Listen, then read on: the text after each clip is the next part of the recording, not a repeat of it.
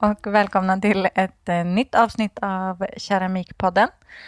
I det här avsnittet så kommer vi att svara på lite frågor med hjälp av Stefan Andersson. Och vi som sitter här är som vanligt, det är jag, Sanna Alvtegen. Och jag, Frida Karlsson. Vi kanske ska börja lite med hur vi känner dig egentligen, Stefan. Ja. Det är ju så att eh, vi går ju på Leksands folkhögskola, där du eh, också huserar då och då. Vi har haft dig som gästlärare, bland annat. Och du hjälper oss med eh, vår anagama-ugn som finns på området. ja, jag skrotar ju runt eh, verksamheten på folkhögskolan ganska mycket så att jag ser eleverna komma och gå och sådär. Och nu har jag ju känt er i två år snart, eller ett och ett halvt kanske. Jag vet inte. Och förutom att husera på skolan och hjälpa oss när vi bränner så, eh, så är du krukmakare i Leksand.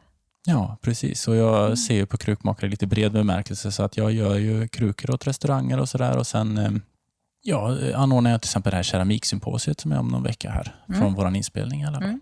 Just det här avsnittet som vi spelar in med dig idag, det gör ju vi i samarbete med Natur och kultur, Illustrerad fakta, med anledning av att du precis också har släppt en bok på temat lera och krukmakeri.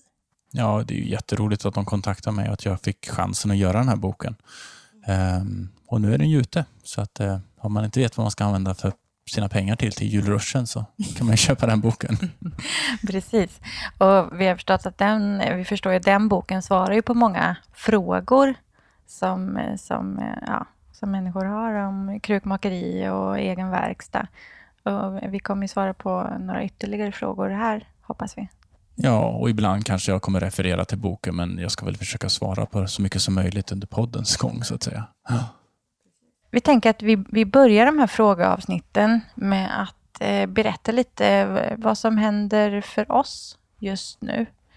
Mm. Vill du börja, Stefan? Hur, hur, vad har du för dig just nu? Ja, jag upplever det som att det går i ett, men det har det gjort i flera år nu, så att jag har alltid någonting på gång sådär. Ehm, men eh, jag, jag, som nu till exempel så sitter jag på eh, 10-12 olika beställningar till olika restauranger runt om eh, som jag försöker bli klar med. Det där med att jobba med restauranger har varit eh, jättegivande och spännande, men man krockar ju också med en helt annan värld. Till exempel så hade jag en, en sån här en jättestor fransk restaurang som kontaktade mig och ville att jag skulle göra saker. De hade blivit jätteförtjust i vad jag gjorde. Så att jag eh, ja, började med deras saker. Det var, ganska, det var mycket saker. Det var närmare 120 delar eller vad man nu ska säga för något där. Så jag satte igång och så var det mitt i bokskrivning och fotning för boken så att jag blev ju försenad med en halv månad eller någonting med den här beställningen. Ehm, och Det var ju all sin ordning så jag skickade iväg det där väldigt akut och packade snabbt hela nätterna för att få iväg det och sådär. Ehm, och det kom fram och så ringer den här franska kocken till mig och är urförbannad för han tycker att det är förfärligt och fult. Oj! Ja. och jag blir liksom frågande då vad, eh, ja, men om jag är bra överhuvudtaget och vad det är jag inte har förstått och vad jag inte lyckats kommunicera. Men det är ju alltid jätteproblematiskt att kommunicera med restaurangerna för de lever i en helt annan värld med andra premisser och Ja. sådär. Och jag jobbar ju med vedbränd keramik som i sig bara det är kaotiskt och varierande.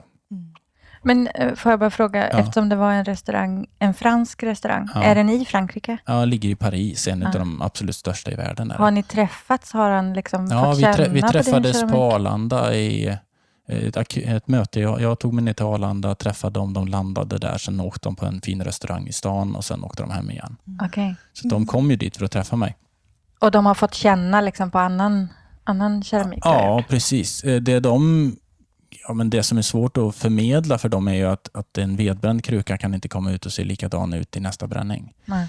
Eh, Så det är väl en del av problemet. Men här så, eh, jag, jag, eh, jag, jag kände att, men oj, sådär. Och, så att jag retirerade direkt och sa, oj, det här är absolut inte rätt. Utan jag betalar tillbaka alla pengarna, ni skickar tillbaka krukorna.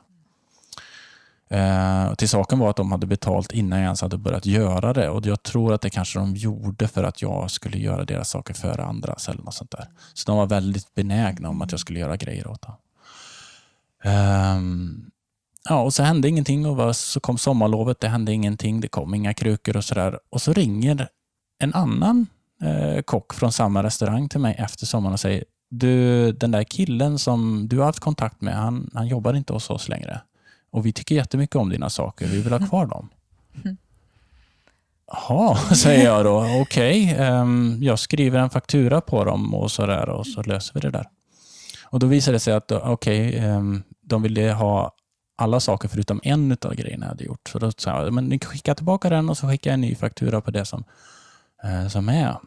Och så kom de där sakerna de skickade tillbaka och då har de liksom bara staplat dem på varandra i en låda som knappt täcker krukorna. Så att när jag öppnar den här lådan så är allt, ja det var 30 stycken skålar i den och 22 av dem var krossade. Nej. Och nu börjar jag bli jättetrött på den här dialogen. Dels så kan man helt plötsligt bli uppringd av en fransk arg gubbe som skäller på en. Eh, och dels så kan de inte ens packa keramik. Och jag, jag skrev till dem, till dem när jag skulle beställa upplockningen av det här. Är inte lådorna lite små? Mm. Nej, vi har packat jättebra, skrev de då. Och Sen kom det en jättelång dialog mellan oss där jag förklarade för dem att man kan inte packa keramik utan någonting emellan sig och bara stapla dem i en hög och skicka dem över halva Europa. men de vägrade acceptera det utan de tänkte att ja, men så här får man göra, det här är ditt ansvar Stefan. Så eh, ja, där är vi nu då. Ehm, och försäkringsbolaget vill ju inte betala mig några pengar för dåligt packade krukor. Även fast Nej, jag inte har något med det. Nej, jag har inget ansvar för det mm, egentligen. Nej. Och de, de tycker ju att de har gjort alla rätt. De har ju packat krukorna och skickat dem till mig. Så nu har jag i alla fall till sist fått betalt för de där första ja, vad det nu blir, 90 sakerna som de har fått. Men de där andra 30, de hänger i något limbo. Vem ska betala dem? Det blir väl jag i slutändan mm. skulle jag tro. vilken rävsax. ja, för det börjar ju i botten i att jag kände dåligt samvete för jag var en halv månad försenad mm. till dem. Mm.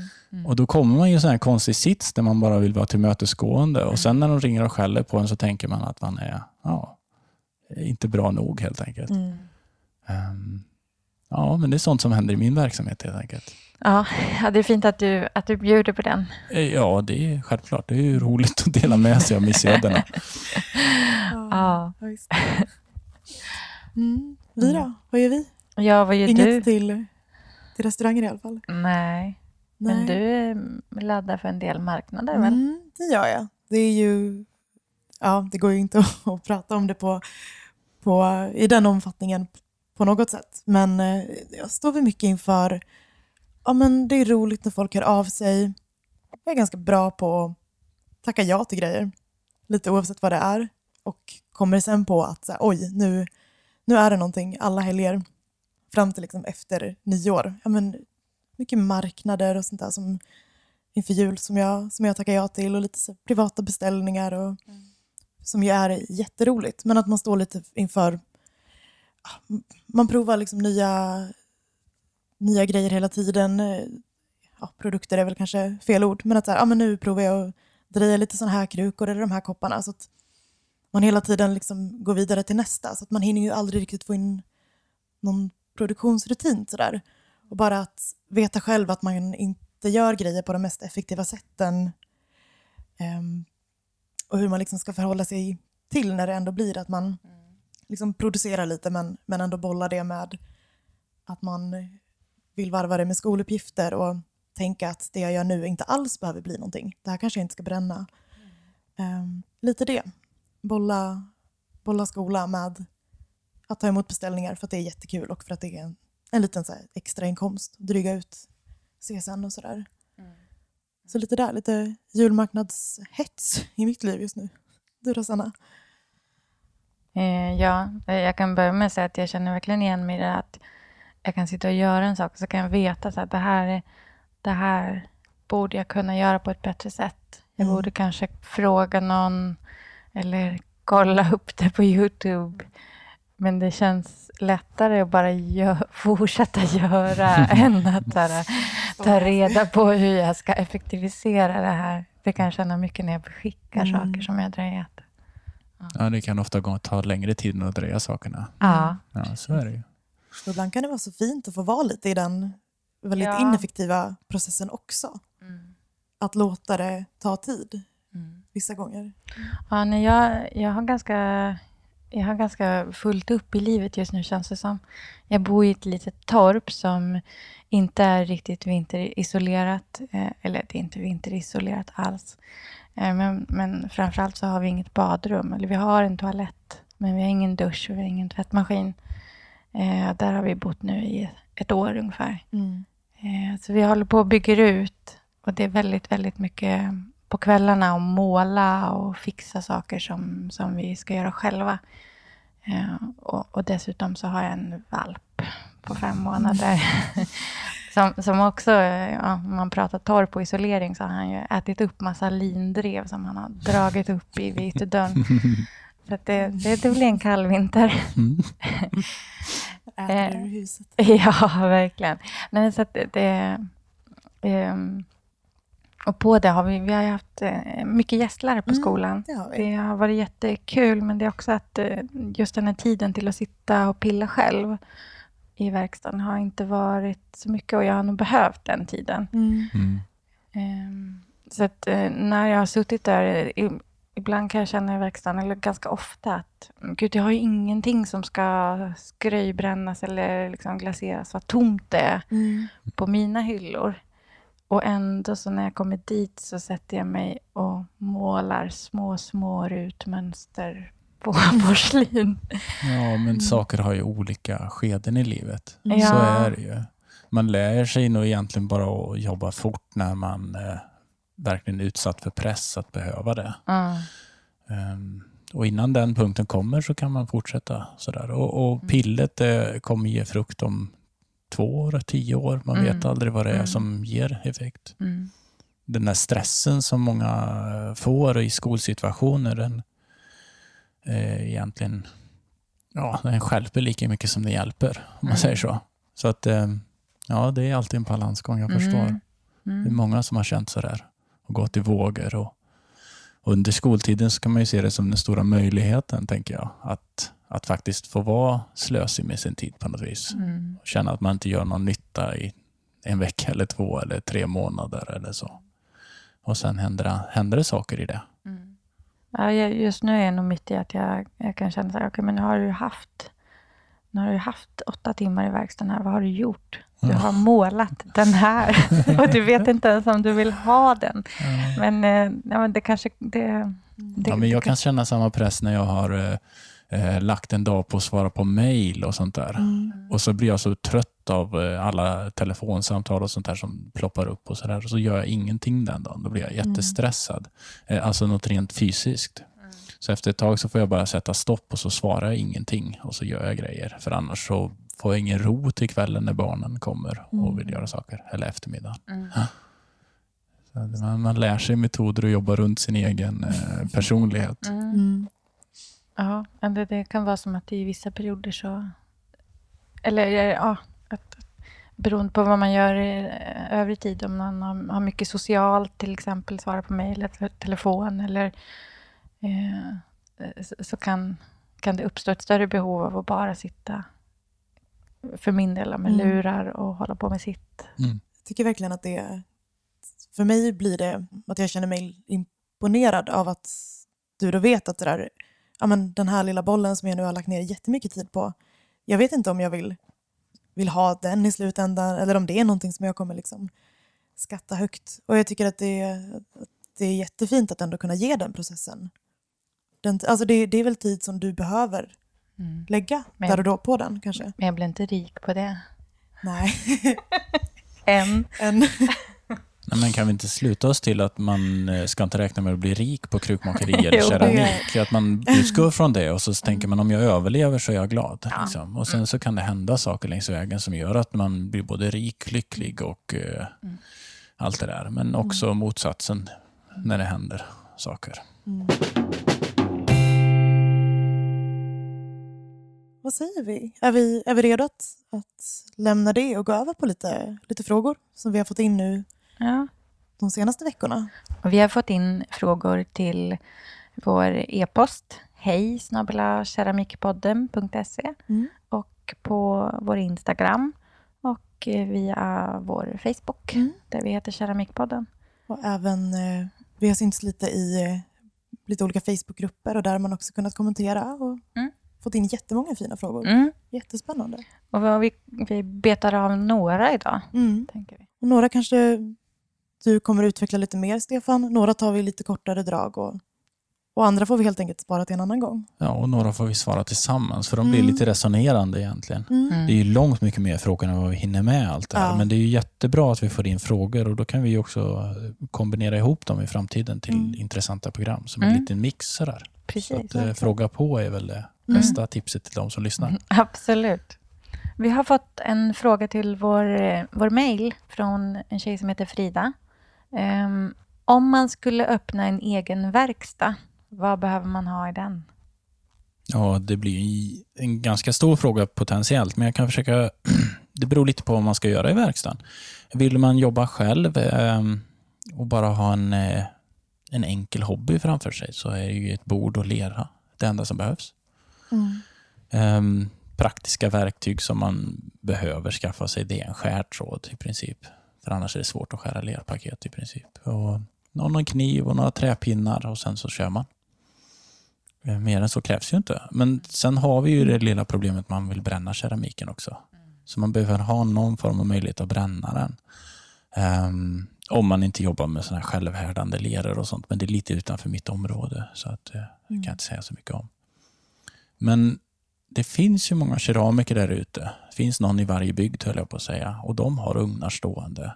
Så man kanske kan bli vän med en sån och få det bränt i deras verkstäder. Små saker är ju inga problem att transportera torra. Och annars så kan man ju investera in ehm, i en eh, drej, eh, vad säger jag? ugn. Mm. Och det kostar väl en från 12 000 och uppåt. Någonting. Och det finns väl inget tak egentligen. Man kan lägga hur mycket pengar som helst på det. Men, ehm, men om man är på absolut ruta noll och inte vet att det är keramik eller något annat man vill göra, då är ju en av de här alla kvällskurser och sådär på studieförbund och hemma hos keramiker jättebra start. Mm. Jätteroligt sätt att börja. Enkelt också. Jag tänker lite beroende på vart i landet så kan det vara på vissa ställen, de går ju verkligen ut med att man kan hyra plats i ugn. Mm. Kollektivverkstäder av olika Ja. sätt. Och, mm. Ja, och med den här nya vurmen för keramik som har hänt lavinartat de senaste åren så har ju, eh, är ju de flesta verkstäder fulla och kurser fulla och sådär. Så att, eh, det märker vi inte minst här på Leksands folkhögskola. Men, men eh, det kan vara svårt att hitta platser. Mm. Det kan det ju vara idag. Mm. Om man nu skulle känna att man ändå vill satsa lite på keramiken och då kanske ja, men kosta på sig att köpa en egen ugn till exempel. Jag kollar ju ganska mycket på Blocket på, på, när det kommer ut både ugnar och, och drejskivor och sådär. Men det känns också som att det är så himla svårt att veta. Jag har hört från många att man borde satsa på att köpa en ny ugn. Och det, det beror väl jättemycket liksom på, på, från fall till fall. Vad det, man kan väl göra jättebra kap, men jag tänker om man inte är så insatt i ugnar eller kanske keramik alls. Skulle du liksom rekommendera att, att köpa begagnat eller, eller nytt, även fast det är Ja, man kan mycket väl köpa en begagnad ugn. Man behöver köpa något som är i, i, konstruerat i närtid. Ja. De är inte jättetunga och bökiga att flytta och sådär och då kan man testa dem. Och så behöver man ju veta det här med ström. Så att man har ström nog för att driva just den ugnen. Ehm, och då handlar det om antal ampere man har på sina säkringar och vad ugnen behöver. Det kan man gå in i detalj någon annan gång kanske. Men, eh, men se, om man hittar en begagnad ugn och den kostar nästan ingenting Mm. och den ser fin ut på insidan. Ni kommer uppleva vad som är fin och ful om ni bara öppnar ugnen. Mm. Ehm, så köp den då och testa. Mm. Men ehm, ja, det är svårt att navigera utan kunskap i det här eh, träsket av ugnar som står och har Mm. stått i uthus i årtionden och sådär. Så att det, det kräver ofta lite mer kunskap. Men när det kommer till drejskiva så är det bara snurrar den så funkar den ju. Ja. Så att det är bara att testa om den snurrar Ja. och så kan man ta den. Vissa av de, utav de gamla låter som tröskverk och nya är alldeles tysta och sådär. Det är klart att man, jag levde väldigt länge med en som lät som ett, ja, hemskt liksom när jag drejade. Och så det var ju en fröjd när jag investerade i en tyst drejskiva. Men, Mm. men det gick ju bra i sju, åtta år med den här, med hög produktion. Mm. Och det har det gjort i årtusenden innan det också, höll jag på att säga. Ja. Även om de först började låta när det kom el i dem. Mm. Innan det så var sparkskivan är ju tyst. Jag tänkte bara när, när du sa att en ugn som kostar nästan ingenting, ungefär vad kostar den då? Vad är, vad är liksom en, vissa ugnar får man ju gratis Mm. för att folk vill bli av Mm. med dem. Tunga och åbäkiga och Ja. sådär. Och man kanske måste göra ett hål i väggen för att få in den eller Mm. ut den och sånt där. Det, då kan man ju få dem gratis. ja, Och i, I princip så är det så att desto större ugnarna är, desto billigare blir de. För att alla vill ha en 60 liters ugn eller 100 liters ugn. Så att allting över det blir billigt. och allting under det blir eh, också billigt. Min första ugn var ju 16 liter. Mhm. Det är en pytte, pytte ugn. Men man får in jättemycket i den om man har den gående. Och jag jobbade med små saker då. Och jag kunde hålla igång min verksamhet på ett väldigt bra sätt. Och då jobbade jag mot gallerister jättemycket. Mm. Men en sån 16 liters ugn, går den fortfarande? Är det trefasen då? Nej, den är så liten så den går på vanlig stickkontakt. Åh, så det är jätteskönt. Underbart. Ja. Då slipper man också eh, liksom, skaffa ett sånt uttag, för det är också Ja, kostsamt. precis. Och det funkar ju vanligt eluttag med 10 ampere. Det är alltså vad som finns i alla hem. Så man kan bära omkring den i princip så att man kan ha den i famnen och ställa den vart man vill. Rejält portföljärn. Mm. Ja, det är ju, det är ju bara en brödrost mer eller mindre Mm. än en elugn. Så eh, ja, eh, en, en skärtråd och ett bord egentligen. Ja, Mm. det är väl det korta svaret. Men nu kunde jag Underbart. inte låta bli att svara längre. Nej. Nej. Ja. Då ska vi se. Har vi också fått in en fråga från Gustav via Instagram. Och han undrar, vad betraktas som avantgarde inom keramiken idag? Ja, avantgarde, alltså då tänker jag att han tänker det här som är i framkant och Mm. lite tillspetsat och sådär. Eh, jag, jag reagerar på två sätt på den här frågan. Dels så är jag lite främmande för frågan för att eh, för mig, jag är så historiskt intresserad. Jag, jag tycker inte jag ser keramik som är avantgarde, alltså som inte har gjorts förut på något sätt, som borde chocka. Men däremot när man sätter det här i samtiden som är så, så glömsk, så upplevs det som avantgarde för att ingen har sett det de senaste 40 åren eller 30 eller 20. Ibland är ju minnet ännu kortare än så. Ehm, så sånt som är po- jättepopulärt nu med stänkglasyr och sådär, det var ju jättestort på 1700-talet. Ehm, och då gjordes ju det mesta i kombinationer och det glömmer vi gärna. Och vill gärna glömma det också, för vi har en hel industri som bygger på att glömma för att de ska kunna sälja nyheter om och om igen. Ehm, men det finns ju keramiker som, eh, som är väldigt synliga just nu. Ehm, jag tänker på vad heter han? Anton Alvarez till exempel, som eh, extrudar, alltså pressar ut i stora henkelpressar som han bygger själv. Han kommer från designhållet och är väldigt tekniskt intresserad. Byggt de här stora maskinerna som kan trycka ut de här jättelika ehm, ja, vaserna, kan vi väl kalla dem i brist på bättre ord. Ehm, och det skulle inte jag kalla avantgarde egentligen, utan det är ju en tillämpning av olika tekniker. Det är ju ingen som blir chock- chockad av att se dem, men det är ju maffiga pjäser som nyttjar ny teknik om man säger så.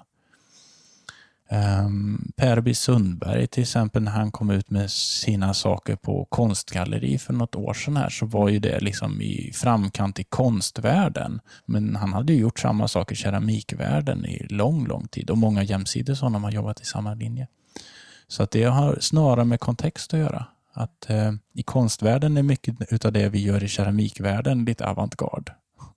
Så att nu blir de intresserade. Då. Och jag såg så sent som jag hörde från en eh, före detta elev som har en dotter som går på en designhögskola nu att de skulle ha in några som skulle dreja med dem nästa vecka.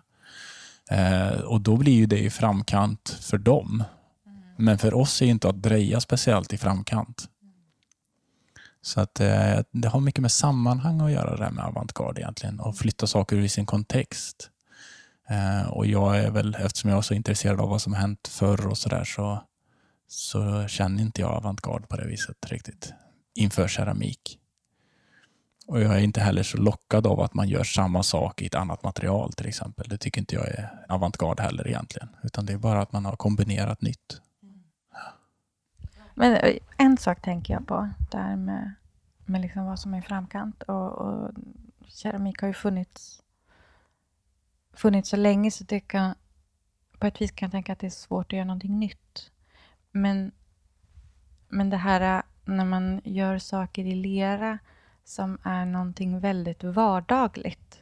Har vi alltid gjort så med leran, alltså som är till exempel ett par strumpor eller en papppåse fast det är gjort i lera?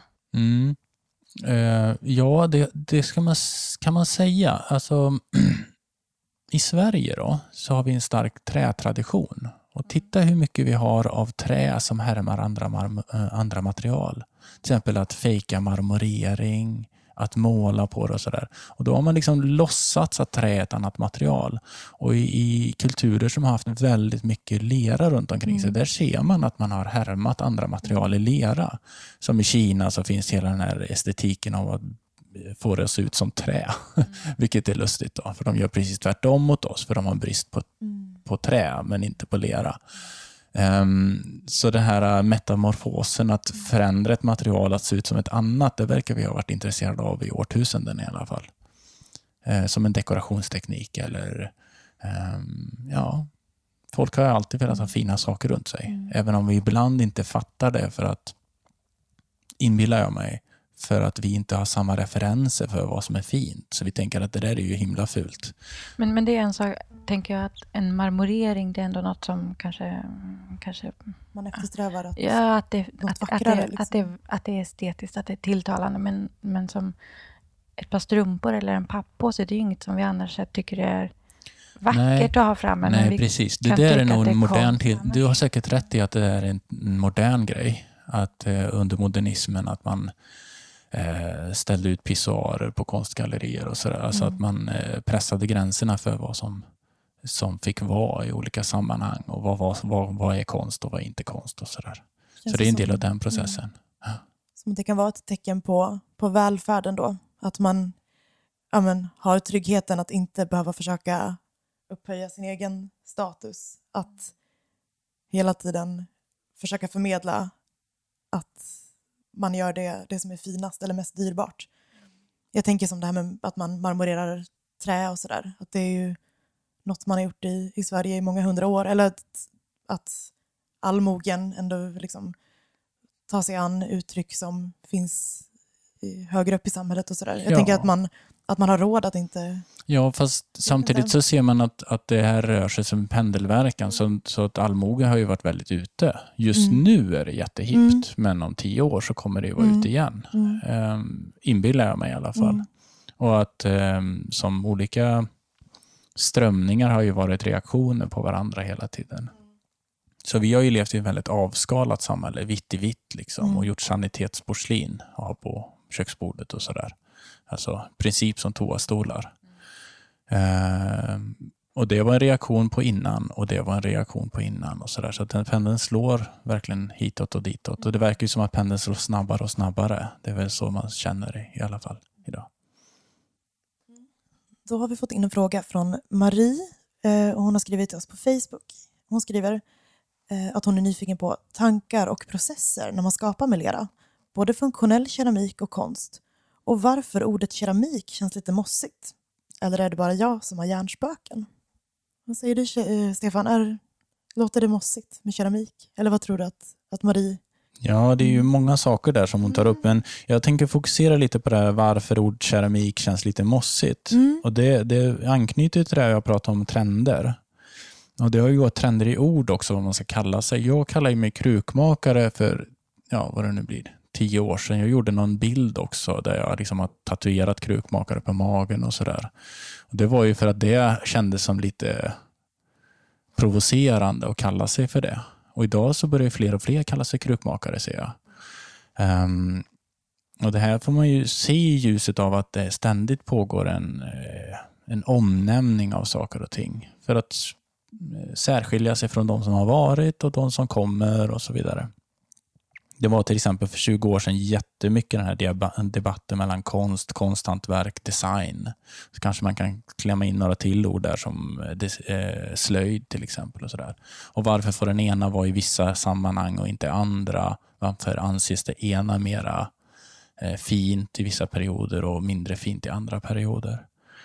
Um, så det går ju väldigt mycket trender i ord helt enkelt. Um, vad kan man säga om det då? Nej, men det verkar väldigt viktigt med det här med ti- titulera sig själv för att förstå sig själv lite grann. Men samtidigt är det ingen som vill bli titulerad, höll jag på att säga. Alltså jag, jag, jag har ju, förr var jag Stefan som var tekniker åt folk. Så, det tyckte inte jag var roligt att vara, bli kallad. Sen var jag Stefan som vedbränner. Det var inte roligt heller att bli kallad, för det förenklar ju vad jag håller på med tycker jag. Och nu så är jag Stefan som gör saker till Björn Franzén. Det är inget roligt det heller. Jag vill ju vara Stefan som är Stefan. Och så tror jag man känner alltid. Eller känner ni inte så också? Jo, jag skrattar för jag tänker på skolan just nu så tror jag att jag är Sanna med valpen. Alltså för att det, det är verkligen mm, Otto som min valp som liksom kommer först på något vis. Att det är så här, det- folk pratar med mig om hur är det med, hur är det med Otto. Ja. Det har inte jag frågat om nej, än. det ska jag göra. Ja. Men Nej, men man måste ju förenkla världen. Liksom. Och Det är klart att inte alla kan ha koll på hela Stefan om man säger så. Eller hela Sanna. Så jag förstår ju att det är så, men man kan ju ändå känna sådär att det fångar inte riktigt hela ens Mm. person. Och det gör ju inte en titel heller. Och så kan man ju känna när någon säger keramik, för det är ju ett ord som går in och ut. Men jag skulle säga nu, om något, så är ju keramik så trendigt det någonsin har varit. Ehm, jag var ju på Kulturveckan här för någon vecka sedan och pratade om varför keramik är så trendigt just nu. Så att delvis så är det nog ett hjärnspöke som hon har här, Marie. Men det är högst relevant hjärnspöke för alla har dem hela tiden om vad som är trendigt, otrendigt. Jag vet inte om jag får skicka emojis längre på sms, för det verkar vara otrendigt. Hur är det med det? Jag vet inte om vi är rätt personer att svara på Nej, det. jag skickar Nej. fortfarande emo emojis, men jag har ju insett att jag, att jag inte är så, så trendig. Jag, kan inte, jag kan, jag hänger inte med ungdomarna. Nej, inte så down with the kids längre. Man tänker att man är det. Och så. Nej, men då när man ser alla de här pendlarna framför sig och hunnit se några varv och om man tittar bakåt i tiden och förstår, då, då kan jag tänka å andra sidan att, att med kunskap, om man väljer att verkligen dedikera sig här så, så på ett naturligt sätt så är man som en bromskloss i trendarnas värld. Liksom. Att man bibehåller kunskap som just nu inte är trendigt men som kanske kan komma tillbaka. Och, eh, estetik som just nu inte är trendigt men som kommer att komma tillbaka. Det är så det fungerar. Allt som vi tycker är skitfult nu kommer någon annan tycka är fint någon annan gång. Det är jag ganska övertygad om. Mm. Men eh, jag- jag har hört dig säga tidigare att du aktivt, eller hur man ska uttrycka det, valde att kalla dig krukmakare trots att det inte var så hett då. Men, men varför var det inte hett då? Ja, det är kanske en konstig historiker som bättre kan svara på det där. Jag kan säga vad man var intresserad av då. Det var ju att, eh, att eh, i Sverige då, på en av skolorna var man intresserad av att jobba med eh, uttrycksfull skulptur som liksom väckte känslor. Och på den andra skolan så var man intresserad av att jobba konceptuellt med keramik. Alltså egentligen inte göra keramik alls utan eh, det var mer som en visualisering av en tanke mera då. Om man förstår skillnaden. Medan jag var ju jätteintresserad av att jobba med leran för lerans skull från ruta ett. Och då hittade jag väl min fristad i krukmakeriet. Då har vi en fråga från Eva via Facebook. Jag undrar om det finns något glasyrrecept som blir rött utan kalciumkarbonat, kiselkarbonat och färgkroppar då dessa gör att glasyren blir dyr. Ja, det, det korta svaret är nej, det finns inga bra sätt. Ehm, nu förstod jag kalciumkarbonat, jag undrar, är det krita hon menar då? För det är ju inte dyrt. Men ehm, ehm, jag kan tänka mig, jag vet inte vad hon menar där riktigt. Det kan vara någon, någon form av att göra rött som inte jag känner till. Men det finns ju många där ute så det kan mycket väl vara så. Um, Kiselkarbid är väl att eh, hon tänker att man lägger i det i eh, glasyren och så blir det lokal reduktion i ugnen, även i en elugn. Så att eh, man får kopparröda färger även i en elugn. För normalt måste man ju gasbränna eller vedbränna sådana för att de ska bli röda. Men nej, det korta svaret är nej. Röd färg på hög temperatur är svårt och har alltid varit svårt. Och tills nutid så har det varit svårt att få färgkroppar som är röda på riktigt på höga temperaturer. Utan man har varit tvungen att jobba i lergods då. Så om hon vill jobba med eh, mycket färg, om vi bara förenklar det så, så är ju lergods bättre för det. Där finns ju mycket mera färger eh, och ja, mera starka färger ska jag säga. Men eh, om man då vill ha rött så finns det förenklat, och det här blir väldigt förenklat. Det finns tre vägar. Det ena är att man jobbar med koppar och jobbar med det i reducerad form, alltså i rykande ugnar. Det kan vara en gasugn eller en vedugn. Eller om man då fuskar, höll jag på att säga, med kiselkarbid i glasyren. Det är inget fusk utan mer väldigt, väldigt krångligt att ha att göra med. Um, men man kan verkligen lära sig det också. Det är ju inte lätt att bränna en gasugn heller, så det är det. Um, eller så gör man eh, en glasyr på järn, men då är det väldigt svårt att få starka röda färger. Det är liksom mera jordiga toner av rött. Uh, och där kan man ju trixa med, det, uh, med järnet för att få det starkare rött jag har en bok här som jag tänker slå i. Den heter The Ceramic Spectrum. Den är några år på, har några år på nacken, men jag kan den utan till så att jag, den är lätt att slå i för mig. Um, och De har en sån spännande lista där det bara står klassat färger och så hur man kan få det. Och Då står liksom alla alternativ eh, som man kan tänka sig.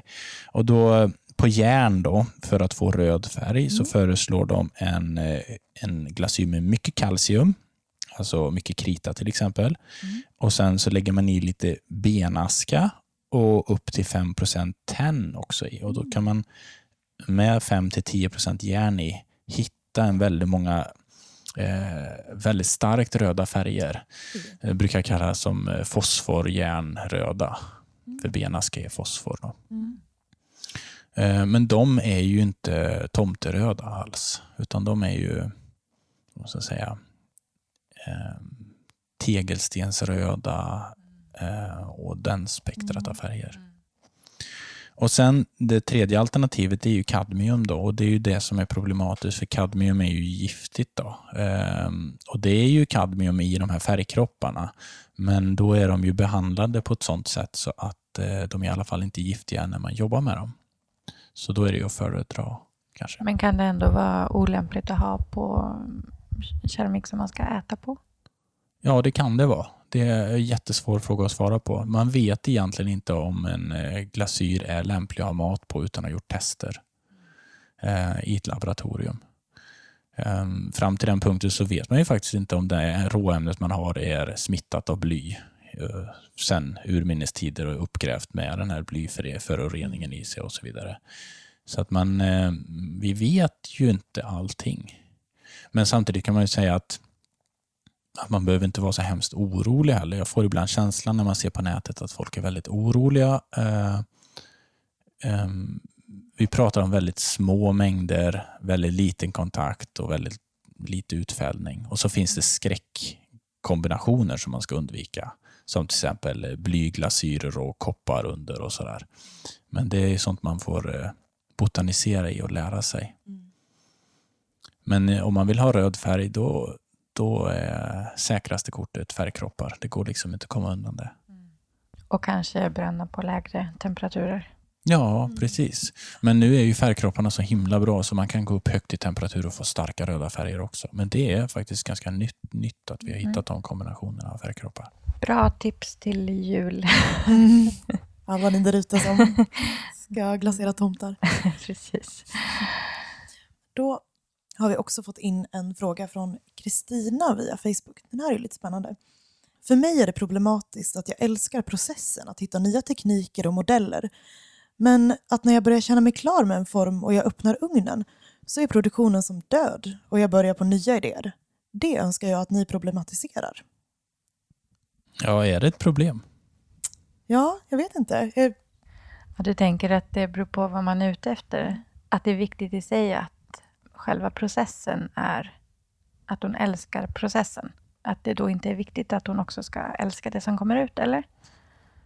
Ja, det var du som sa det. Ja. Nej, men man är ju olika. Mm. Det, det, om något som jag har lärt mig av att liksom röra mig runt alla elever på folkhögskolan här i tio års tid, det är att man är väldigt olika. Och att keramik också har möjlighet att tillgodose väldigt olika personligheter. Eh, vissa de trivs i kanten där de aldrig vet vad de ska få ut ur ugnen. jag är nog lite så själv, liksom, att jag trivs där. Det är därför jag inte gör samma sak om och om igen. Utan jag gör, Mm. trivs jättebra i den här restaurangsituationen när jag får göra nya saker hela tiden. Och allting hänger liksom på en tunn, tunn tråd. Och det är upp till min yrkesskicklighet att sätta det. Liksom. Vissa de trivs i mitten, liksom, i en trygg bas, med, där de kan hela världen runt omkring sig. Då, då trivs de och gör bra saker. För jag tror ju det här att man, att man försätter sig själv som person i en sits man eh, trivs i. Det är liksom centralt för att man ska orka jobba och för att man ska kunna göra bra saker i förlängningen. Så här då, att produkterna känns döda är nog att hon uppskattar processen så mycket. Att hon Mm. uppskattar livet. Och det finns ju jättemånga konstnärer och keramiker där ute som just jobbar i den här kaotiska kombinationen av saker och gör helt väldigt, väldigt fröjdigt, bara kastar sig ut i allting hela tiden. Och det är ju ett, ett konstnärskap och ett eh, keramikerskap, om vi ska sätta det ordet då, um, som är väldigt inspirerande för många. För det skapar ju ett ny trygg mark som andra kan jobba sig in i sedan. Så att, um, ja, jag uppmanar henne att fundera på om det är det hon vill göra, höll jag på att säga. Eh, och om hon inte vill det så kan, har hon ju kunskap att gå tillbaka och göra om saker. Men här låter det ju som att hon vill vara där. Och det kommer ju vara hennes absolut största styrka. Så här jobbar jag i många år och det gav mig en repertoar av väldigt mycket effekter och glasyrer och ytor som jag idag använder. Och det kan ju mycket väl vara så att hon kan återknyta till den där kunskapen om ett år. För hon börjar ju inte på ruta noll utan hon bygger och bygger en bredare och bredare värld som, som till sist kommer att användas till någonting Mm. konkret kanske. Möjligen. Eller så blir de en väldigt bra lärare för hon har gjort alla misstagen. Mm. Känner du att du även idag kan, kan relatera lite till de känslorna? Jag tänker att du ändå, du har ju en ordentlig produktion men att du ändå inte upprepar dig. Det, det går ju att göra båda delar uppenbarligen men känner du det också? Nej, Rastlöst när jag, jag, jag tycker inte att de är döda när de kommer ut. Utan jag är oftast eh, ser hur väl träffar mot vad jag visualiserar från Mm. ruta ett och sådär. Och jag tycker att saker jag gör är fina ibland och mindre fina ibland och sådär. Men, men eh, nej, de dör inte för mig utan de bär jag med mig som, som personligheter och kompisar. Det var den där som jag gjorde då och då, som jag brände där och där och Mm. med de och de kombinationerna. Och, som åkte iväg till den där och den där personen sen. Det, det är liksom de, de är som människor är mest. Mm. Men när du bär dem med dig, är de, du upplever dem att, eller att de här formerna är klara för dig? Eller känner du att du ofta är frestad att försöka Ja, nej, upprepa. nej, men i min process så, så bygger ju i princip allt jag gör på sånt jag har gjort innan. Så att i något sätt så blir det ju ett arv som de lämnar efter sig.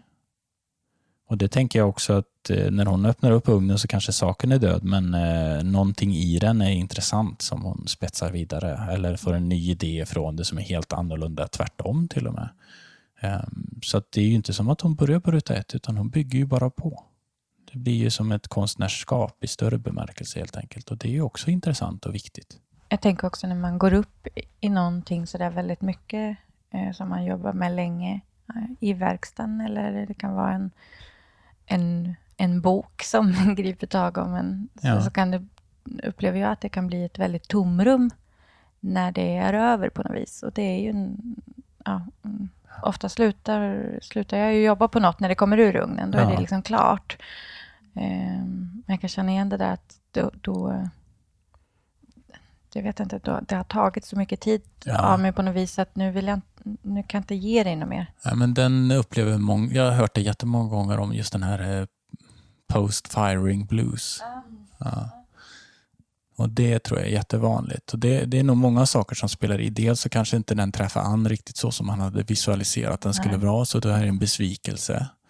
Men det är också någonting som händer när man har haft en sån uppladdning över så lång tid och så blir det urladdat. Det är ju många som känner sig nere efter den största festen i sitt liv. För det blir så tomt efteråt. Absolut. Så att eh, det är bara naturliga reaktioner tror jag. Och så är man lite olika på att hantera det och slår det kanske lite olika hårt på oss olika personer. Ja, då kör vi. Det är perfekt. Bra, vi försöker hinna med lite fler frågor. Jag ska bygga en vedeldad ugn. Min man ska hjälpa mig och jag kan inte svara på varför man inte murar skorstenen på vanligt vis utan stabiliserar med vinkeljärn runt om. Undrar keramiker på Instagram. Det såg ut som att jag gjorde något fel. Nej, det var bara mitt ansikte. Ja, ja men det kan jag, kan jag försöka svara lite kort på. Då. Det första man måste förstå det är att, att murbruk det använder man väldigt lite när man bygger en ugn. Jag använder det inte alls överhuvudtaget. Om jag behöver någonting för att liksom göra, lägga det i nivå så lägger jag lite kaolin eller lite sand. Eh, för murbruk är inte klister. Det funkar så när man bygger hus, då gör man stora fogar och sådär. Men ugnar de växer och krymper jättemycket när man bränner. Så att man kan inte undvika den här processen utan då spricker stenarna istället om inte fogen spricker. Och då har man av enkelhetens skäl eh, tänkt att man eh, inte behöver mura skorstenen utan den får helt enkelt ha små glipor och det, som, det, det man har för att motverka gliporna är det här vinkeljärnet. Och det är egentligen mycket bättre än murbruk. För vinkeljärnen kommer hålla emot stenen när de vill växa och då tätar sig gliporna självt. Var det förståeligt? Mm, jag Ja. tror det. Och så då kan man göra så då och, och då kan man också tänka på hela ugnen. Inget bruk överhuvudtaget i ugnen men man håller om den med vinkeljärn och då när den växer då tätas alla gliporna så mycket det går och så fintätar man med eh, eventuella glipor som man ser med lite lera sand på utsidan bara. Det lera, sand och vatten. Ja, precis. Så man bara smetar på och det kan man göra hur som helst egentligen. Så det är inget exakt, eh, utan man testar bara. Flaggar av så lägger man i lite mer sand och sådär. Fastnar det inte så lägger man in lite mer lera. Och att man inte använder mur, murbruk, eh, är det... För jag tänker det gör man ju när man murar annars, kanske ett hus till Ja. exempel. Men är det värmen som gör att det Ja. bara kommer... Ja, precis. Den, den, kommer ju, den kommer växa flera centimeter ugnen Mm. och krympa igen, vilja krympa igen. Och bruket hjälper inte med det. Och tanken att ugnen skulle välta om den inte var murad, den är, den är oftast väldigt överdriven för det är stabila, stadiga saker. Mm. Man kan bara testa och stapla sten på varandra och se hur högt man kommer. Om man bara bygger en rak vägg, ja då fälter den ju fort. Men bygger man den i en vinkel eller till och med i en kub, då kan man ju bygga 40 meter rakt upp utan att den välter. Ja, nu överdrev jag, men det, är liksom, det händer inte att han välter så, så att man behöver inte vara orolig för det. Så gör man livet lättare när man vill plocka ner ugnen en dag. För då har man inte massor med murbruk man måste knacka bort. Aha. Mm. Bra svar. Vi hoppas att eh, signaturen keramiker vill spela upp det här för sin man. Kan Ja, jag hoppas att det hjälper. Det, det är ju många som får hjälp i sina ugnsbyggen så att man har ju sett liksom lustiga lösningar på det mesta. Och Det finns några, några misstag man vill undvika. Till exempel att gjuta en bottenplatta med en, eh, med en frigolitskiva under. För den frigolitskivan kan ju smälta när ugnen blir varm ovanpå. Och då blir det en hålighet under eh, gjutplattan istället. Och så vidare. Så det finns massor av här små fallgropar men det är bara att tuta och köra. Och så krångla inte till det. Det är liksom lösningen. Vilka är Stefans fem bästa drejtips, inom parentes, förutom att öva? Och det undrar Kajsa på Facebook. Och då är man lockad att säga repetera. Ja. Eh, em, för det är ju, man kommer ju inte ifrån det. Men jag, och det, jag kan tyvärr inte säga fem, men jag kan säga tre. Det första det är att man ska använda mindre vatten. Att bara skälpa på vatten, mer och mer vatten, det skadar botten för då arbetar ni in massor med vatten där som ni får sprickor av. Och, och ni eh, blöter upp väggen medan ni drejar så att den sakta men säkert blir sladdrig och inte kan hålla formen. Så ofta de som vattnar sin lera för mycket, de kan liksom inte forma någonting av sin cylinder för den bara kollapsar. För den är helt enkelt utmattad redan. Så mindre vatten. Sen att man, men det här är ju en stor grej, men det vanligaste problemet som folk har det är att de försöker klämma upp leran. Alltså att man pressar mellan inner och ytterhand och liksom nyper upp leran i i stötar. Det som är att dreja, det är att man pressar ut innerväggen och sen rätar man upp den med innerhanden, fast, eller ytterhanden. Och den måste man då hålla under innerhanden ganska mycket. Så att man rätar och sträcker upp en utbuktning. Det är det som är att dreja. Medan att klämma upp leran är något helt annat och då kommer man bara 10-15 cm. Sen kommer man aldrig kunna dreja högre. Så att eh, kläm inte, mitt andra tips. Mm. Eh, sen om man inte får med leran från botten så är ett bra tips för att få med den från botten det är att samla leran. Det är alltså att när man väl har tryckt in knogen på utsidan och buktat ut på insidan, så som jag pratade alldeles nyss här med att lyfta, då väntar man en stund. Och då om man håller greppet rätt, då kommer leran samla sig upp i den här äh, utbuktningen. Så att man har någonting att ta med upp och då får man med det upp. För många har svårt att få med leran där nere. Så låt drejskivan snurra tio varv där nere och känn hur mycket lera ni kan samla på er. Och låt liksom samla mycket i början och så lär ni er att samla mindre framöver. För man får inte göra för tunt där nere heller för då går det ju sönder. Eh, men det var tre tips helt enkelt. Då. Mm. Tre tips. Det känns som att jag nog kan ta med mig lite där också. Ja, Verkligen. ja, ja, mindre vatten, kläm inte och samla. Det är, Bra tips. Ja. Vi har en fråga från signaturen Vanehem Keramik på Instagram. Ehm, Hon, sk- hen skriver, har endast drejat tallrikar i lergods för länge sedan. Hur beskickar jag en tallrik bäst? Behövs det en extra ring? Och vad är lagom vikt på en klös till en tallrik på 28 centimeter? ja.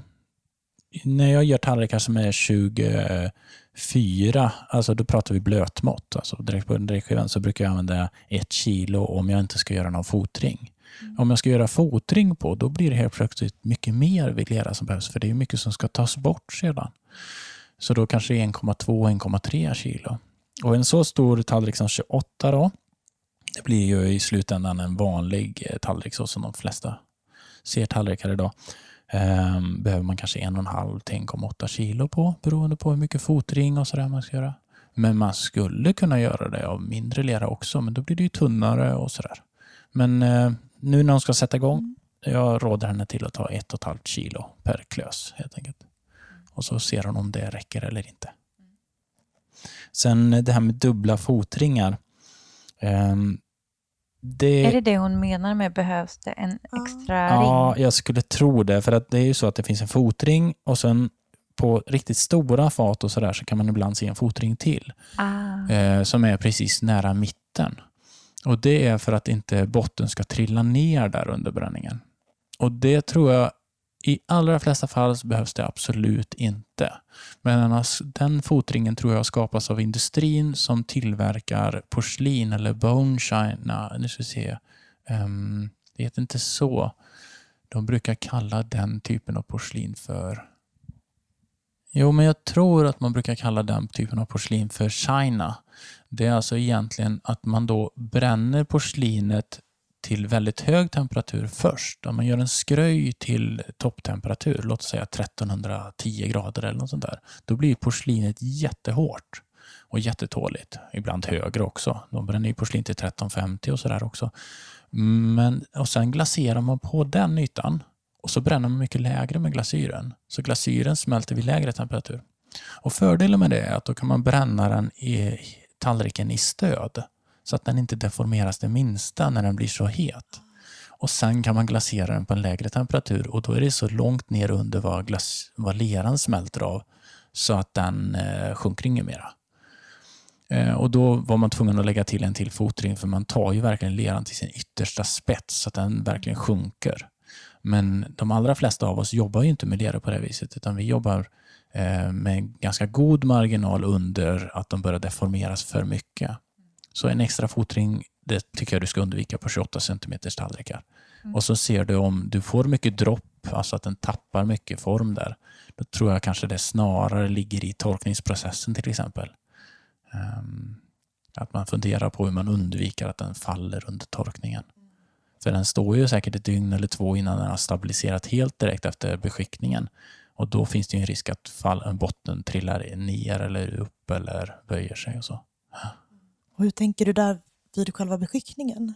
Vad är det bra att tänka på då? För det, det har jag märkt att jag ofta istället för att beskicka, eller jag beskickar men samtidigt trycker jag ju också ner botten. Ja, men Eh, det, all, allt som oftast så är det ju att man eh, tänker lite fel med, drev, med beskickningsjärnet. Det är en kniv, så den ska skära bort leran. Och de flesta som har det problemet, de skrapar bort leran. Och det är två olika metoder. Det ena då det har med vinkeln att göra helt enkelt. Och det, ofta så är det både drejning och beskickning att vinklarna är jätte, jätteviktiga. Eh, så man ska vinkla beskickningsjärnet så att man skär upp lera, alltså man skär bort lera och då får man nästan ett lyft i botten när man skär. Och Sen ska man inte eh, försöka ta allt på en gång utan man gör en litet hål i mitten och så skär man utåt för då skär man inte neråt utan man skär sidoväggen utåt snarare. Mm. Så det, det, är ett annat tänk bara. Så det tror jag. Och, men rent allmänt så kanske man bara ska vänta den ett halvt dygn till så är det stabil, mer stabilt. För man glömmer ibland att saker torkar väldigt ojämnt och eh, det kan ju vara fortfarande vara alldeles för blött i mitten av en fot eh, medan det är torrt på kanten. Mm. Och då är det ju faktiskt för tidigt för att beskicka. Då får man ju lugna ner torkningen helt enkelt. En klassisk grej jag ofta gör med beskickning är också att ha för slöa beskickningsverktyg. Mm. Tänker på det du säger med att det är en kniv. Mm. Att det verkligen ska skära bort så att man inte trycker ja, ner. Eller ja, trycker. precis. Man kan säga så här att man har ju beskickat med bambubitar. Så att det går jättebra med ganska trubbiga saker. Men det har att göra med när man beskickar. Desto blötare leran är vid beskickningen, desto trubbigare verktyg. Så att eh, ni har ju varit i Kina, va? eller ni ska åka Nej, nu? Nej, vi ska till Kina ja, mm. Där använder man ju sylvassa beskickningsjärn för man beskickar på nästan torr lera. Medan när man beskickar på mjuk då, så lera då krävs det inte lika mycket. Så det är nog bra att ha slipade verktyg ibland, det är helt rätt. Ja. Då har vi väl kommit ner till... Ja, vi har, ja, vi har vi... en sista fråga. Ja. En sten i översta ringen på min toppmatade ugn har gått sönder. Hur lagar jag den bäst? Det var också från Vanhem Keramik på Instagram. Ja, det finns ju många följdfrågor där hur det ser ut faktiskt. Då. Mm. Um, I många fall så är svaret att du behöver inte laga den alls. Med den här kunskapen om att när ugnen blir varm så växer stenarna och så tätar de sig själva lite grann. Och gliper in i ugnen är faktiskt inte sådär jättemycket energiförlust som man kan tro. Så det är väl det första. Um, enklast i det här fallet är att om det är en stor, stor glipa på något vis, um, att man trycker i någonting i den som fyller igen det. Då. Mm. det man ska inte övergöra det däremot, utan man täcker lite på ytan kanske. Man ja. kan lägga lite lera där. Det är ett enkelt mm. sätt. då. Uh, och Det finns ännu häftigare recept man kan göra med vattenglas och kaolin och sånt där. Det kan man kolla upp på nätet. Mm. Det blir som ett keramiskt klister ungefär. Um, eller så kan man köpa sig en ny sten, såga till den, passa in den perfekt och sådär. Det går ju också. Men jag tror egentligen inte att hon behöver göra någonting. Det är väl min, men det är bara vad jag mm. ser framför mig nu. Det kan ju vara världens värsta skada där. Så kan det ju vara. Mm. Men eh, oftast behöver man inte göra så mycket. Det kanske är ett stort hål. Mm, I så mm. fall vill vi kanske gärna få en bild skickad till oss. Om ja, det, det kanske skulle hjälpa i det här fallet. Liksom. Ja. Ja. ja. Ja, visst. Mm. Mm.